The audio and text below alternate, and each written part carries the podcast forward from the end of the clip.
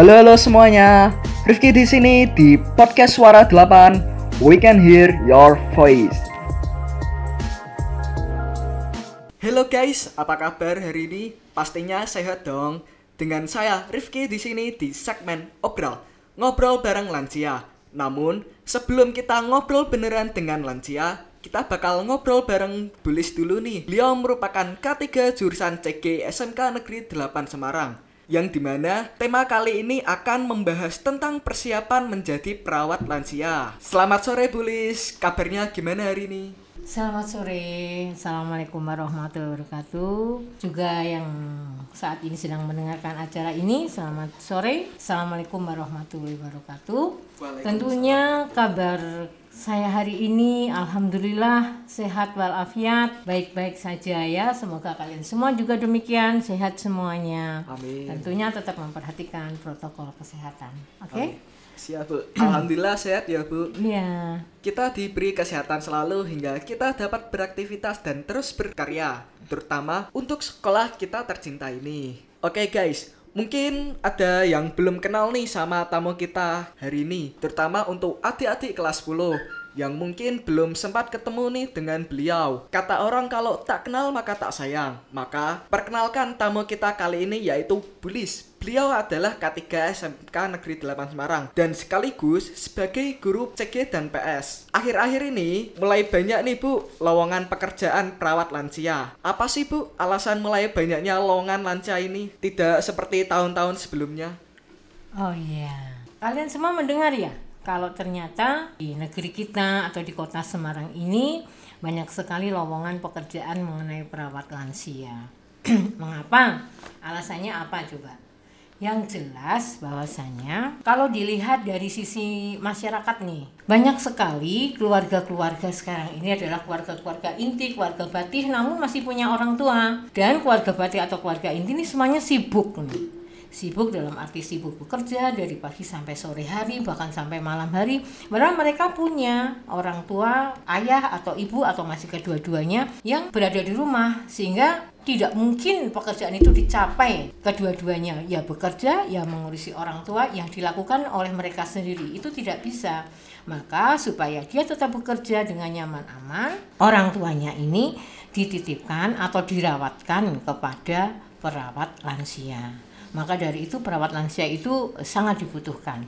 Nah, rupa-rupanya dari Kemendikbud itu melihat peluang ini ya, melihat peluang ini. Karena melihat peluang ini akhirnya dicobalah ada jurusan caregiver yaitu jurusan perawatan lansia atau pendamping lansia. Tujuannya untuk apa? Mempersiapkan anak-anak ini supaya dia sanggup siap menjadi seorang perawat lansia yang dibutuhkan di masyarakat. Nah, tidak hanya di situ pemerintah ternyata juga memberikan banyak bantuan, fasilitas dan sebagainya supaya bisa tercipta sekolah-sekolah yang menyediakan atau yang melatih anak-anak menjadi seorang perawat lansia. Dan kita juga Indonesia sudah bekerja sama ini dengan negeri-negeri lain untuk menggunakan perawat lansia ini di Jepang misalnya. Nah Jepang karena membutuhkan maka kita di negeri Indonesia mempersiapkan perawat lansia sebanyak-banyaknya. Hingga kalian tadi melihat bahwa sekarang ini ternyata lowongan pekerjaan untuk perawat lansia kok banyak sekali. Begitu mungkin Oke, terima kasih ya Bu. Oh ya, kira-kira apa aja sih Bu yang diperlukan untuk menjadi perawat lansia itu? Mm-hmm. Betul. Ternyata tidak hanya sekedar menjadi perawat, katanya bekerja di luar negeri dengan gaji yang begitu banyak, terus tidak menuntut apa-apa dari kita. Nah, seorang perawat lansia sangat-sangat harapkan punya kompetensi yang memadai, memadai untuk menjadi seorang perawat lansia. Nah, apa itu? Ya, terutama kalau kompetensi untuk merawat lansia sendiri yaitu bahwa dia harus seorang pendamping lansia itu harus punya kompetensi secara kemanusiaan secara manusiawi dia harus sabar. Sabar menghadapi orang tua. Tahu sendiri kan orang tua itu bagaimana yeah. rewelnya. Baby juga rewel ya anak kecil juga rewel namun tidak serewel lansia tentunya begitu. Tapi rewelnya lansia ini yang memang keadaan kondisinya itu memang mungkin sakit mungkin tidak enak, jadi membutuhkan perhatian lah. Maka dari itu seorang perawat lansia harus sabar. Kemudian dia harus memahami siapa itu lansia dan bagaimana itu lansia. Terus kemudian dia juga sanggup melayani apa pun kebutuhan lansia itu adalah kompetensi yang melekat. Oh, nah, iya, iya. kompetensi yang lain seperti keterampilan-keterampilan dia juga harus bisa memahami, mengerti "Eh, lansia ini sedang apa sih? Sedang sakit. Sakit apa sih? Taunya sakit dari mana? Kita harus bisa memanage dia bahwa oh ini harus perlu kontrol ke dokter. Ini kan perlu oh ini Hmm, harus seperti ini. Jadi banyak sekali keterampilan yang harus dibutuhkan. Kemudian ada juga nih lansia yang sakit. Iya. Ya lansia yang sakit masa dibiarkan gitu aja di tempat tidur kan Iya. tidak tetap dia harus punya aktivitas bagaimana melatih dia untuk sanggup berbicara dengan kode atau dengan apa bagaimana dia harus menjaga kebersihannya kita rawat rambutnya kita rawat tubuhnya Iya. kita harus tahu seperti itu jadi ini adalah suatu keterampilan-keterampilan bagaimana caranya mengajak si lansia tadi dari sedih menjadi bahagia? Tetap tidak kehilangan kabar yang sedang ada di masyarakat. Bagaimana caranya bercerita bagaimana caranya ngajak bersantai berjalan-jalan. Nah, itu semuanya adalah harus dimiliki oleh seorang pendamping lansia. Tidak sembarang orang untuk bisa menjadi pendamping lansia namun juga tidak sulit sebenarnya untuk menjadi pendamping lansia. Oh, iya, bagaimana keinginan kita aja kan untuk Iya. mau- untuk memahami si orang tua. Sebenarnya orang tua ini kalau dipahami juga diajak cerita, diajak apa pun dia juga akan asik juga gitu. Jadi tergantung kita bagaimana secara ikhlas kita menerima kehadiran mereka dan kita juga akan diterima oleh mereka. Oh siap Ya. siap. siap. Oh ya tadi skill yang paling utama itu apa aja bu? Ya, eh, dia harus sabar. Sabar. Dia harus sanggup melayani. Sanggup melayani. Iya. Dan dia juga harus bisa memahami siapa Oh, dan apa itu memahami. lansia. Jadi secara psikologis itu dia harus betul-betul tahu tentang seorang lansia. Oh ya, itu ya guys untuk skill utama dalam menjadi perawat lansia. Oke, berikutnya CG itu kan jurusan baru ya, Bu. Nah, itu kira-kira alasan apa sih Bu untuk mulai dibukanya jurusan CG ini? Kalau boleh tahu apa ya, Bu? Iya. CG itu adalah caregiver. Caregiver itu adalah pendamping lansia. Sebenarnya ini CG itu kelompok terbesarnya atau anak pertamanya itu adalah pekerjaan sosial. Oh, ya, iya, perawatan sosial atau pekerjaan sosial. Kalau seorang perawat sosial atau perawatan sosial atau pekerjaan sosial itu adalah menangani semua masalah yang ada di masyarakat. Masalah-masalah yang ada di masyarakat itu ada banyak anak berkebutuhan khusus atau anak berhadapan dengan nafsa kemudian kemiskinan, kemudian anak terlantar dan lansia itu adalah menjadi masalah-masalah pokok yang dihadapi oleh seorang pekerja sosial. Oh iya iya Nah, iya. iya. CG itu salah satu bagian dari pekerjaan sosial karena CG itu adalah merawat lansia Oh, yang iya. pembelajarannya sudah dipelajari di pekerjaan sosial. Terus kemudian itu tadi karena ternyata perawat lansia ini sangat dibutuhkan baik di dalam negeri maupun di luar negeri. SMK itu adalah sekolah kejuruan yang lulusannya itu sangat diharapkan untuk bisa bekerja sesuai dengan kompetensinya. Adapun nanti ada yang kuliah, ada yang bekerja tidak sesuai dengan kompetensinya atau ada yang menikah itu ya silahkan di mana di SMA pun juga ada gitu. Iya. Tapi kalau SMK adalah tujuan utamanya lulusannya bisa bekerja Oh, iya, yang sesuai dengan ya, kompetensinya. Ternyata pendamping lansia ini sangat dibutuhkan di dalam negeri maupun di luar negeri. Rupa-rupanya Kementerian Pendidikan itu menangkap peluang ini. Iya. Kalau di luar negeri butuh dengan gaji berapa? Oh, gaji sebulannya 20 juta anak SMK. Lu kalau seperti itu bisa dong saya juga mempersiapkan kalau emang di negara-negara itu membutuhkan pendamping lansia. Di mana sekarang ini sudah pasar bebas ya, sudah Iya. dalam artian eh, luar negeri masuk ke Indonesia dari Indonesia ke luar negeri tenaga kerjanya sudah sekarang ya Iya. sudah sudah dengan bebas lah. Maka kita persiapkan itu anak-anak yang bisa menjadi perawat lansia.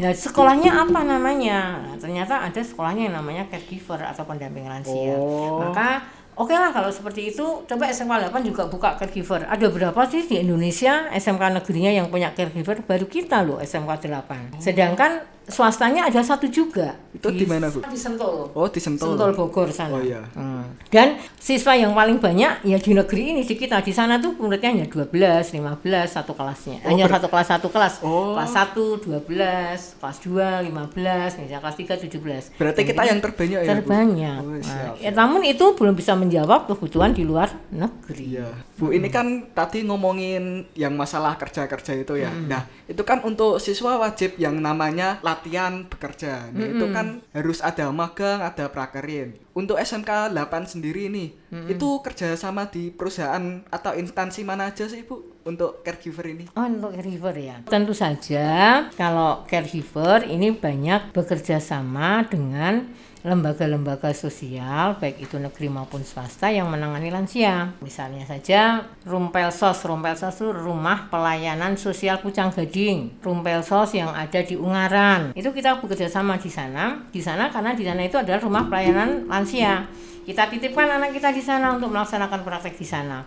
Atau kita juga bekerja di senior rukun living ya, itu ada di Bogor itu Oh, itu Bogor, adalah ya. satu lansia Oh, yang tingkatnya sudah sampai ke mancanegara. Jadi yang ada di sana lansianya itu dari Amerika ada, dari Cina ada, dari Jepang ada. Nah itu akan kita jadikan juga sebagai tempat magang. Kan ke sekolah Oh. kita eh, anak-anak yang CG kan belum magang nih. Iya. Nah itu akan kita jadikan untuk tempat magang. Jadi anak-anak tetap bisa merasakan bagaimana sih senior rukun living itu. Jadi kita menyebutnya bukan lansia ya, Iya. senior. Oh, maksud- senior, ya, ya. senior itu adalah bagaimana kalau praktek di sana yang di sana juga notaben kliennya itu sudah majemuk tidak hanya orang Indonesia tidak domestik saja tapi dari luar negeri juga ada.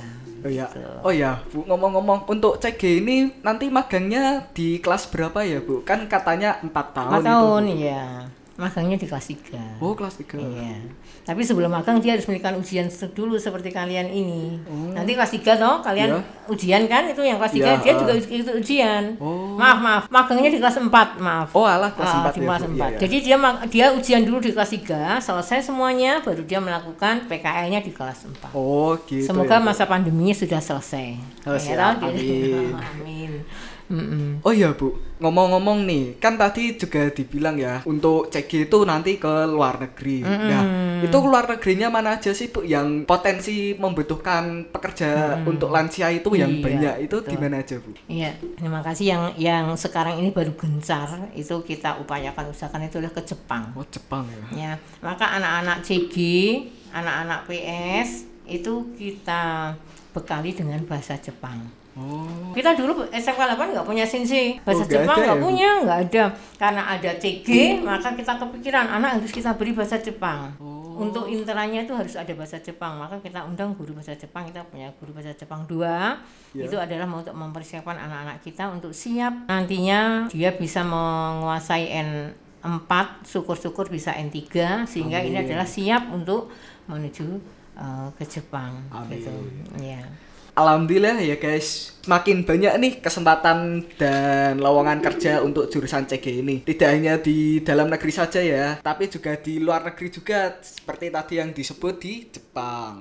Iya masih ada lagi maaf Inggris juga kami Oh, Inggris. membutuhkan Oh, ya kita sudah orangnya sudah datang ke sini waktu Oh. itu ya Dan maka ini juga harus bahasa Inggrisnya harus kuat terus kemudian ada juga kemarin ditawari kita juga katanya di negeri Cina sana juga ada Oh, Cina juga juga ya. membutuhkan Iya. tapi eh, kita masih fokus ke Jepang dulu aja Oh, kita fokus ke pinginnya Jepang ya ya. pinginnya kita coba kita nanti setelah kita anak-anak dikirim ke Jepang ternyata juga ada hasilnya baru nanti kita coba juga ke negara-negara yang lain Oh iya, ya siap, siap. mohon doanya Amin. Menarik sekali ya guys. Oh iya, buat teman-teman jurusan CG ataupun perawatan sosial, tetap semangat ya. Kalian berkesempatan untuk bekerja di luar negeri. Khususnya yang tadi disebut di Jepang dan negara-negara lainnya. Oh ya Bu, terima kasih untuk Bu Lis atas waktu dan kesediaan untuk berbincang-bincang bersama kami kali ini. Mungkin ada pesan yang mau Ibu sampaikan untuk para-para pendengar khususnya untuk siswa-siswi SMK Negeri 8 ini. Ya, terima kasih juga saya sudah diundang untuk memperkenalkan CG ya atau memperkenalkan jurusan caregiver di SMK Negeri 8 Semarang. Oke, pesan saya untuk kalian semuanya yang mendengarkan di rumah, jangan lupa bahwa di masa pandemi COVID-19 ini kita tetap jaga kesehatan, tetap sehat, jangan lupa selalu memakai masker, sering-sering cuci tangan, jaga jarak ya dan makan yang bergizi. Dan untuk anak-anakku, seluruh siswa-siswi SMK Negeri 8 Semarang, meskipun belajar jarak jauh tetap semangat karena impian dan cita-cita Anda adalah Anda sendiri yang akan mengejarnya, tidak orang lain tetapi Anda sendiri. Maka sekalipun belajar jarak jauh, tetaplah semangat, tetaplah serius sehingga apa yang kalian impikan akan tetap kamu dapatkan. Amin. Ya, dan juga eh, untuk anak-anak TK belajar ya yang sungguh-sungguh karena eh, di luar negeri sangat menanti Anda semuanya. Saya rasa tidak hanya anak CG loh, anak-anak jurusan yang lain boleh kok kalau Ya. memang tertarik untuk menjadi caregiver. Ayo kita belajar sama-sama. Kita punya sensei bahasa Jepang 2 ya toh. Ya. Kita belajar benar-benar. Insya Allah kita semua akan tetap sejahtera kehidupan kita baik dunia maupun insya Allah di akhirat karena kita juga akan ngurusi orang-orang tua banyak sekali kan itu Ya. pahalanya. Amin. Oke, terima kasih. Gitu. Oh iya Bu, ada saran nggak nih untuk program podcast Suara 8 ini? Ya, sarannya adalah saya tetap positif thinking bahwa ini adalah suatu kemajuan yang luar biasa untuk anak-anak kami yang di SMK 8 jurusan apa program keahlian semuanya ya. Iya. Oke, untuk anak-anak SMK 8 ini sudah adalah suatu apa ya kemajuan yang luar biasa karena Bulis ini adalah tahu cikal bakalnya sekolah ini karena saya sekolah di sini kemudian saya tinggal kuliah 4 tahun saya kembali lagi ke sini sampai sekarang dan saya tahu kemajuan itu luar biasa saya berterima kasih pada kalian semua yang sudah belajar dengan sungguh-sungguh dan mengaktualisasikan kemampuan Anda bersama Bapak Ibu guru Anda yang telah membimbing. Terus saja, terus saja berkarya, terus saja eh, berusaha karena pasti di suatu saat akan besar sekali manfaatnya untuk kalian semua. Begitu ya anak-anakku Iya ya. Bu, terima kasih Bu atas sarannya dan terima kasih untuk semuanya. Semoga kita semua diberikan kesehatan selalu. Sebelum kita tutup segmen kali ini, marilah kita ucapkan yel-yel SMK 8. Oke, bersama ya Bu. Ya, bersama yuk kita ucapkan ya SMK 8. SMK 8 Semarang, idola, Idola. inovatif, disiplin, Disiplin, kolaboratif. kolaboratif. Tetap pantengin terus podcast Suara 8 karena kita bakal berikan konten-konten menarik setiap minggunya. Tetap semangat, jaga kesehatan selalu, salam idola.